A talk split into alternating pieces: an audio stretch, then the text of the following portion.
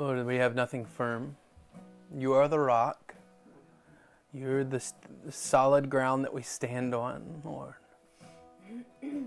And Lord, because of that, we're not shaken.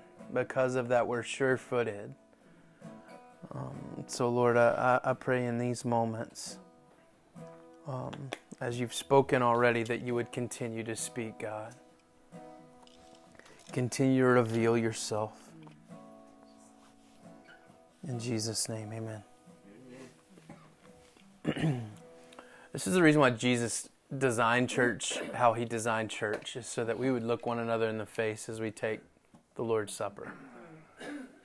So that we would look one another in the face and say, I will build my life upon the firm foundation and I will not be shaken. So then later in this week, then that person that I'm singing that and like I, I, get to see your faces more than everybody else sees faces but but but you're gonna stop me later in the week and say hey firm foundation remember remember remember that concept of living life together? That's what this is about. Um, if you have your bibles turn to exodus chapter 32 chapter 32 in chapter 32 of exodus there's so many things that have taken place. And hopefully you're doing the, the reading through the bible with us. Um, we, we're in Exodus and we're kind of walking through this crazy, weird dynamic that happens with Exodus. Exodus starts with like the burning bush, right? The Moses and all that, and the burning bush. And um, yeah, Moses is gonna freak out because he's in the room. I'm talking about Moses. Um, um, yeah, keep sleeping, buddy. Um, the, but the the the reality of like all these dramatic things that take place to get the nation of Israel out of captivity. You know, frogs, gnats, dark no no maybe maybe that's what we're dealing with. We were dealing with a plague for the last 30 days when there was no sun it felt like. Um, but all these crazy things and then they walk through dry ground on the uh, on the floor of the Red Sea. Hey, sometimes we so easily forget this, but who is still chasing the nation of Israel at this point after they walk through the Red Sea? No one from captivity to instant. Not just a few of your people died. No, there's no one chasing you anymore. Think about that. Set captives free and finally free concept. So then they walk into the wilderness and they start and they're like, oh, we're hungry. you thought about that before? The God who, who sends the fire, turns water to blood, all these crazy plagues that he does in dramatic fashions. And he doesn't just do it for the Egyptians, he's proving himself to be real to the nation of Israel who's been enslaved under Egyptian gods for 430 years. They've just seen God flex his muscles and watch. They go out of all these miraculous things and in Exodus 16, it says, They murmured and complained to Moses and said, We're hungry. He even says, Man, if we were back in Egypt, I'd be falling asleep next to a pot of meat. okay.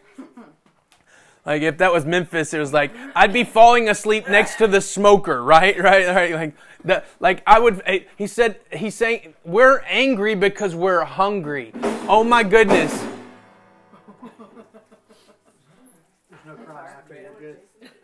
Are we okay?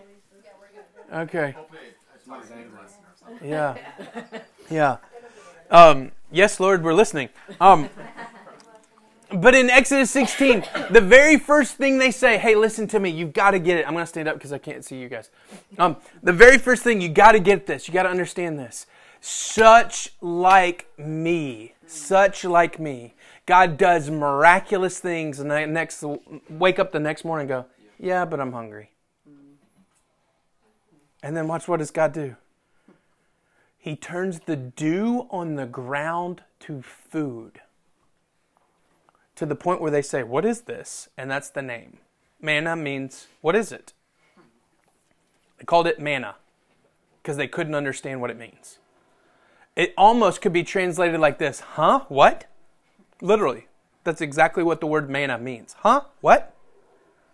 And this, this thought of 1.4 million people being filled by whatever this is every day, okay? God flexing his muscles again. But then the very next chapters, verse er, Exodus 17, just like you and me, God fills our stomach one day, and the next day, what do they say? We're thirsty. We took the kids to the Discovery Park in Union City. Anybody been to Union City? You know what I'm talking about? No. Okay. Yeah, you go to Union City for that reason, right?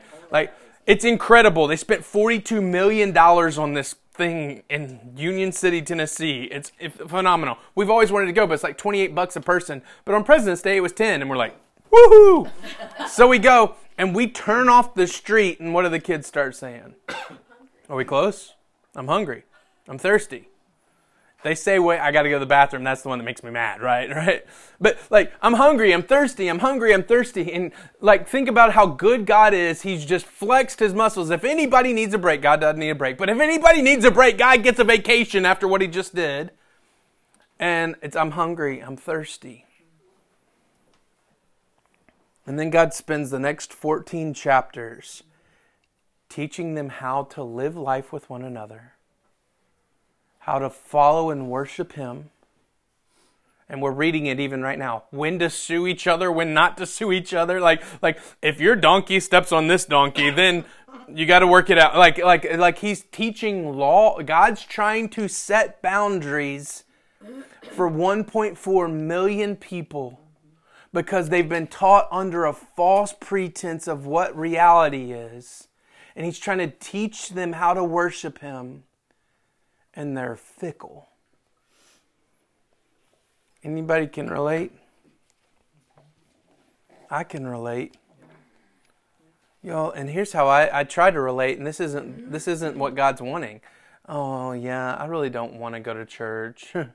well, it's kind of hard for us, but um, but or hey, I really don't want to interact with those people right now or something like that. And that's not what we're talking about fickle. We're talking about a holy God desiring a relationship with us. And we're like, yeah, if I have time. And that comes off really condemning. I don't mean it that way. Watch. God spends the next 14 chapters. He does all these dramatic things, manna on the ground. The, you know what Moses does to fix it? They have water, they just can't drink it because it's bitter. And any bitter water at this point in time means you're going to die okay? And it's like the flu. it's like it's like that you drink that water, you're going to have the flu representation of of bad bad bad bad for 1.4 million people. So don't drink that water. And Moses picks up a log that God tells him to, throws it into the water, it makes the water sweet and then they can drink it. Ever been there? You need something from the Lord, and God just reminds us of what he did on the cross, and it kind of just sweetens the deal. Moses picks up a piece of wood and throws it in. Jesus picked up a piece of wood and died on it, and it sweetens the deal. Takes the bitterness out. It makes it easier to consume. When life gets crazy and you feel fickle, remind yourself of the cross. That's what we were doing this morning. You remind yourself of the cross, all of a sudden life becomes sweeter.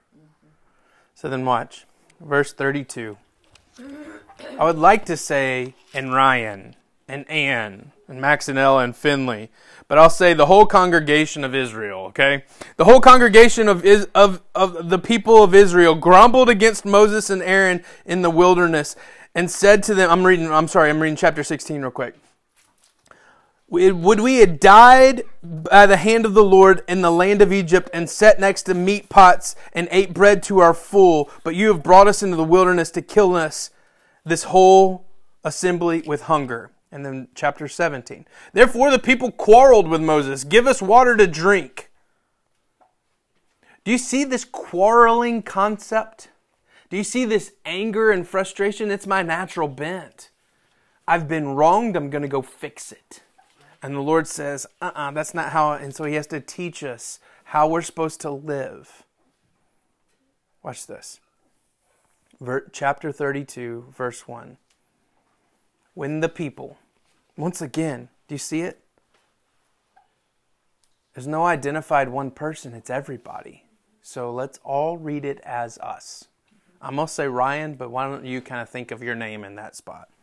When Ryan saw Moses had delayed to come down from the mountain, Ryan gathered up themselves together to Aaron and set in front of him. They've made an issue out of nothing. Listen to what they say. Up, make us gods who shall go before us. As for this Moses, the man who brought us out of the land of Egypt, we do not know what has become of him. So Aaron said to them, Take off the rings of gold that are on your ears of your wives, your sons, your daughters, and bring them to me. So all the people took off their rings of gold that were on their ears and brought them to Aaron. First point, if you're taking notes, I'm going to try to read and go fast this morning. Drama always creates the false God of hurry. When drama arises, when I get into a circumstance that I don't feel comfortable, what do I do? I have this sense of urgency that's not really there. And when I get urgent, I do stupid things. Um, I, I was sharing with some of you in our last house, we had to replace our dishwasher a dishwasher. It's a dishwasher catches on fire. Sorry.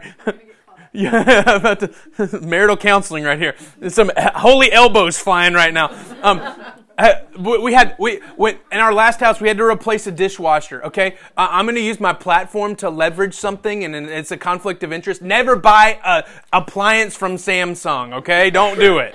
Samsung has this dishwasher that they uh, they pray the enemy into it. I think is what happens. so we, we have we get this dishwasher at our old house. I'm finally get it installed. If you were to ask me what's the most hard thing that you've ever done home project, it would have been this dishwasher. I like flayed my finger open trying to do it, all sorts of crazy stuff. Get it installed, and it like it sounds like if you were to t- cut the tail off of a cat, what a cat would sound like when it's washing dishes, okay?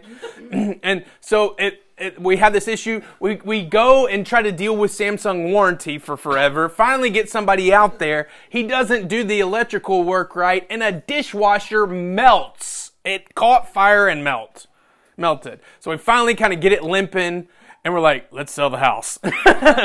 So we move, and I'm like, sweet, never again. It's the same freaking dishwasher in this house that was in our last house. I'm like, okay, great. And so I finally sit down last night, and the dishwasher's it, it's kaput. It's it's done. And I walk into Home Depot and I said, "Show me every dishwasher except for Samsung." Like I'm just anger. Like I see Samsung and there's words flying in my head that a pastor should not say. Right? Like, uh, like if I could just Mr. Samsung, I'd like to meet him. Right? Like, like have this interaction. I get home and I'm urgent because I'm tired. A tow truck just took a car down the. Yeah, really did. Okay. Uh, Chevy Cavalier? Impala. Impala? Okay, good. Someone else's problem. Yep. Yeah. Sorry. Sorry. So watch. I I I get. I'm, I, I've been thinking about Samsung. Oh, well, if I could just what are they out of uh, Hong Kong? If I could fly to Hong Kong right now, right? Like, I'm just brewing. We have to take the old one out of the house in order to bring the new one in. You know what I did? We got it out of the house and can attest. I grabbed it by the hose and slung it into the driveway, right? Like, like I'm thinking, this is wonderful, Pastor. Right? Yeah, sweet Torrens looking out her window at the pastor, right? Right. Like, like, yeah, Mr. Ryan's throwing an appliance around in the driveway. When we get urgent, we don't think straight. God is a God, He's the Prince of Peace. Let God do the urgent things. When I get in a hurry, holy smokes, I can't move fast when I get in a hurry. And then all of a sudden, we start to spin something up that is nothing and miss the something by calling it nothing. Let me say that one again. We spin something up that's nothing, and in that process, we miss the something and call it nothing. The enemy has a plan for you, but he knows God has one too, so he alters his plan just to mess up God's plan. And his number one attack is to do it in a hurry. He doesn't even want you not to step into God's plan. He just doesn't want you to step in it in the right timing. He knows if he can just mess up the timing of God's plan, we were created, look at me, please catch this. We were created to worship. 430 years. That's what he tells Pharaoh. Let us go so that we can go into the wilderness and worship. The people are chomping at the bits. They've had their stomachs filled. They've drank their water. They've gotten to walk through all the different things. And the hurry gets out of pace to where they create something when we create a sense of urgency or try to hurry God's plans, we're creating a billboard for everyone else to read that declares, I have eliminated my need for God. When I hurry, it's like wearing the sandwich board sign that says, No need for God today. Not even just in the time that we're supposed to spend intimately listening to the Father, but when I spin up life, when I get out of pace with the Lord, what am I doing? I'm putting my hands to things that He already had His hands on. And I'm trying to take control. It's like me putting Max or Ella in my seat or in my lap while I'm driving in the driver's seat and they grab the steering wheel. They don't have a clue and know what's happening underneath with my feet. That's the acceleration and the brake, the timing. They just want some form of control. And without that, they can steer off into crazy directions. And God's still trying to just keep the pace that He had set out. And we're just taking it off course left and right. When drama comes in and life's filled with drama, when drama comes in, it creates a sense of urgency, which then we create a false God called hurry. And our false God, I point to, our false God of hurry always erases the real God of promise. When I hurry, I give room for assumption.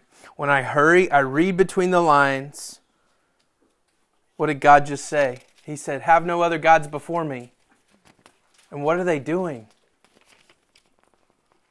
Hey, give me all your gold. We're going to form it into something. Watch verse 4.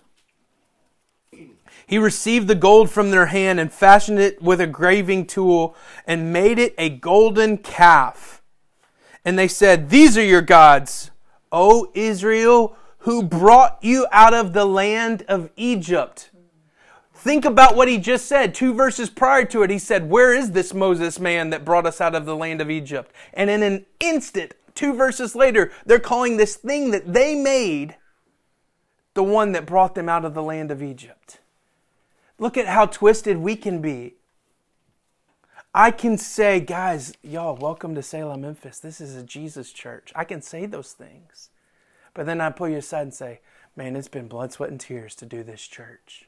What am I taking? I'm taking ownership of something that's not mine. I'm trying to express to you that I matter in this moment. And it's Jesus' bride, not me. It's Jesus' church, not mine. Think about this for a second. Well, we tried, let's have no other gods before me. And that didn't work because Moses hasn't come down yet. Maybe we do it this way God, you've told me to pray about it, but I will interpret or read between the lines what your silence means. But I'll do that through my own lens of self. So since you're being quiet here, I'm going to take a step, or I'm going to do or not do. When probably the silence has something to do with me not him. What does this golden calf look like? How big is it? You know, I've always, I kind of think this way sometimes. Okay, 1.4 million people. They all got earrings of some sort. They're coming out of Egyptian, so they probably had a lot of earrings. Like, there's a lot of gold here. What is it, what is, is it huge? Is it small? Is it like this big? Like, like what what does this golden calf look like? And I don't think what it looks like is the, is what matters. It's what's in it. Grandma's ring, the thing that we would value, has now been sacrificed to something. My wife's jewelry Think about it. They ran out of Egypt. They, the, the, he said, "Tie, keep, leave your sandals on your feet." You go to a Jewish person in the next couple weeks when they start celebrating Passover, they don't sit at the table when they do the Passover meal. Why? They leave their shoes on. They even have a bag packed in the corner to symbolize what happened that night, that they left in a hurry. So, literally, the earrings on their ears Think about this. What gold's left after this? It's gone. The simple inheritance concept that they would be passing down generation to generation was squashed in a moment because, well, Moses has taken too long. All the things that I think I have earned, I'll throw away in an instant when I get in a hurry. The gold doesn't matter. We know that. It has significant value, maybe, of family and heirloom and all that stuff. But still, I can't take it to heaven, right? Right? It's not going to matter. But watch. I look at that calf and I think about the promise God has. One's shiny, I can touch it, I can feel it, I can I can walk around it. The other is elusive. It's a strong word that I will be with you. But I can't touch, taste, feel that one. You know what I'm talking about? One takes faith, the other takes self. With best intentions, they go and worship a false God. It's easy for us to look back and go, What are you doing? But with best intentions, we go and worship false gods too. Man, if you go to Nutbush and we go to minister homeless people and you can only talk about the things that you feel from it versus the impact and seeing what God's doing through it, we're missing the boat, right?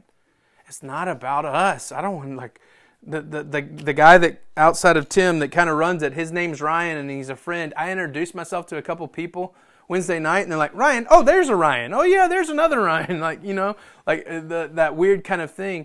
I love that these guys know them, but they don't, like, maybe a few of them know that Tim sells cars, right? That others don't know that Ryan Pears is an archaeologist and gets to go all over the place dig up dinosaurs, right? Like, like they don't they don't know those things. They only know them as the men that that they've interacted with and had a relationship with. Man, so many times we come up and shake hands and, and try to give a resume, you know? But in this context, our resume looks like a silly golden calf in relation to God's promise.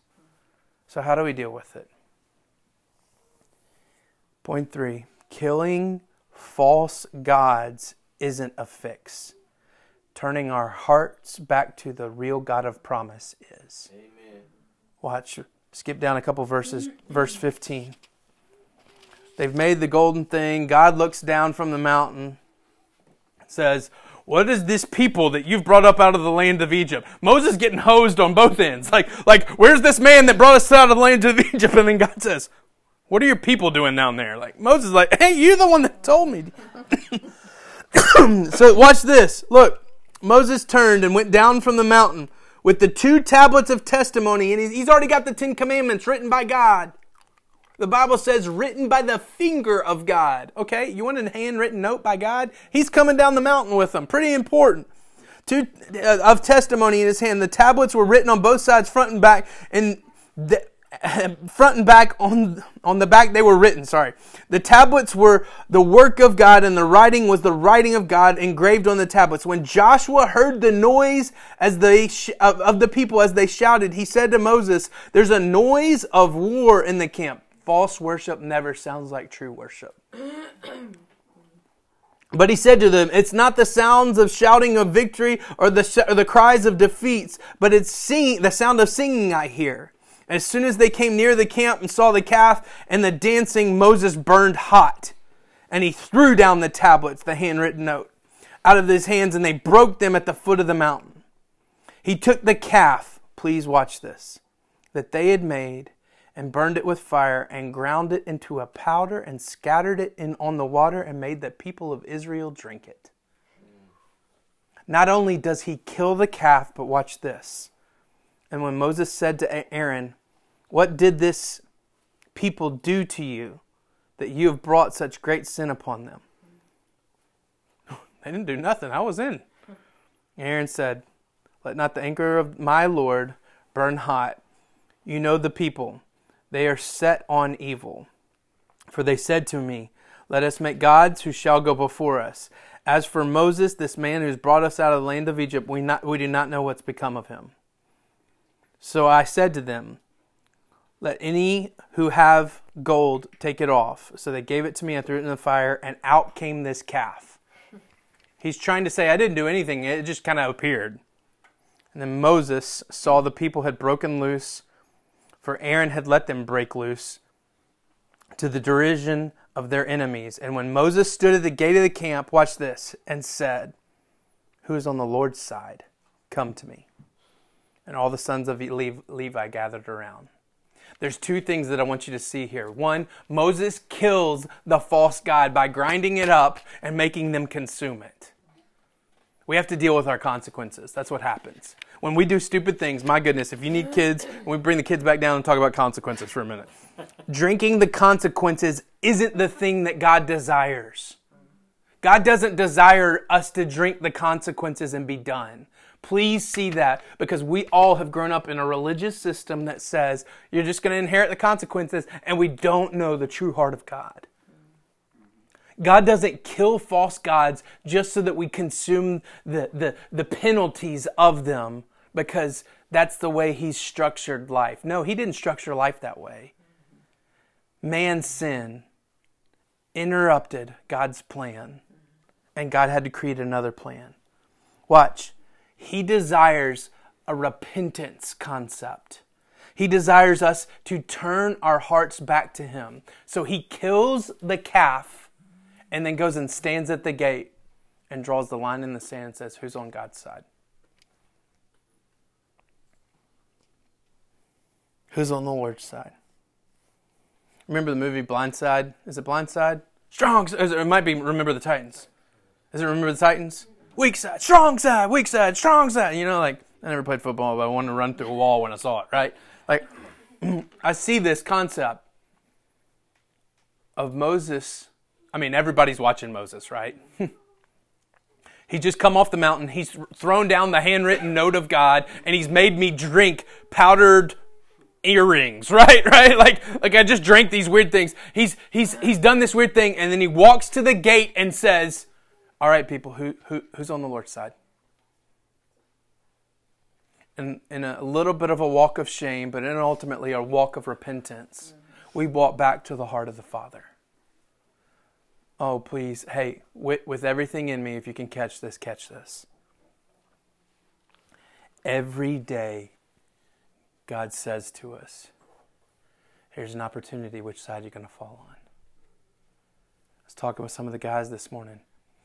God's peace isn't something that fluctuates. It's the same. We just fluctuate in and out of it. And it's the same thing with God's will. He's saying, hey, why are you going over here and false worshiping this false God when you need to come back and step in? So God just kind of taps us on the shoulder day in and day out and reminds us, hey, which, which side are you on? Well, well God, I'm hungry. I'm thirsty. Uh, yeah, I, I, I, can, I can deal with those things. Lord, I'm sorry that I worshiped this false God. There's two, two choices of worship one self worship or true worship. When I step into self worship, it's anything that should be directed towards the real promise of God. And I always step in self worship when I hurry. So, a takeaway today as I wrap up. A challenge today. What would happen if for the next seven days you did whatever you needed to do to create space not to hurry and to listen to the Father? Not like, okay, I got my prayer list and I'm going to go and sit down and give you my prayer list, God. But I'm talking a stillness before the Lord. I'm not talking a, a, a, good sermon from someone else that you go and listen to and that counts as your stillness before the Father. That's good, but that's not what I'm talking about. I'm not even talking about scripture memorization or reading the Bible. Those are healthy things, but ultimately, all those things are designed to get you back to walking with God in the cool of the day like it was before sin entered into the world. What would happen if genuine, true worship took place over the next seven days, where we gave God an intimate time where we just sat with Him. We didn't hurry it, we didn't talk. Hey, this sounds weird. That not singing that takes place. That those are all things to get us into those moments. But sitting still and letting his heartbeat become our heartbeat and not the other way around When I worship self, what am I doing? I'm trying to fulfill things that I desire. When I worship the Lord, it's trying to fulfill the things that He desires. And out of that, the promises. Out of that, the blessings. Out of that, how God intended life to be lived. Let me pray for us.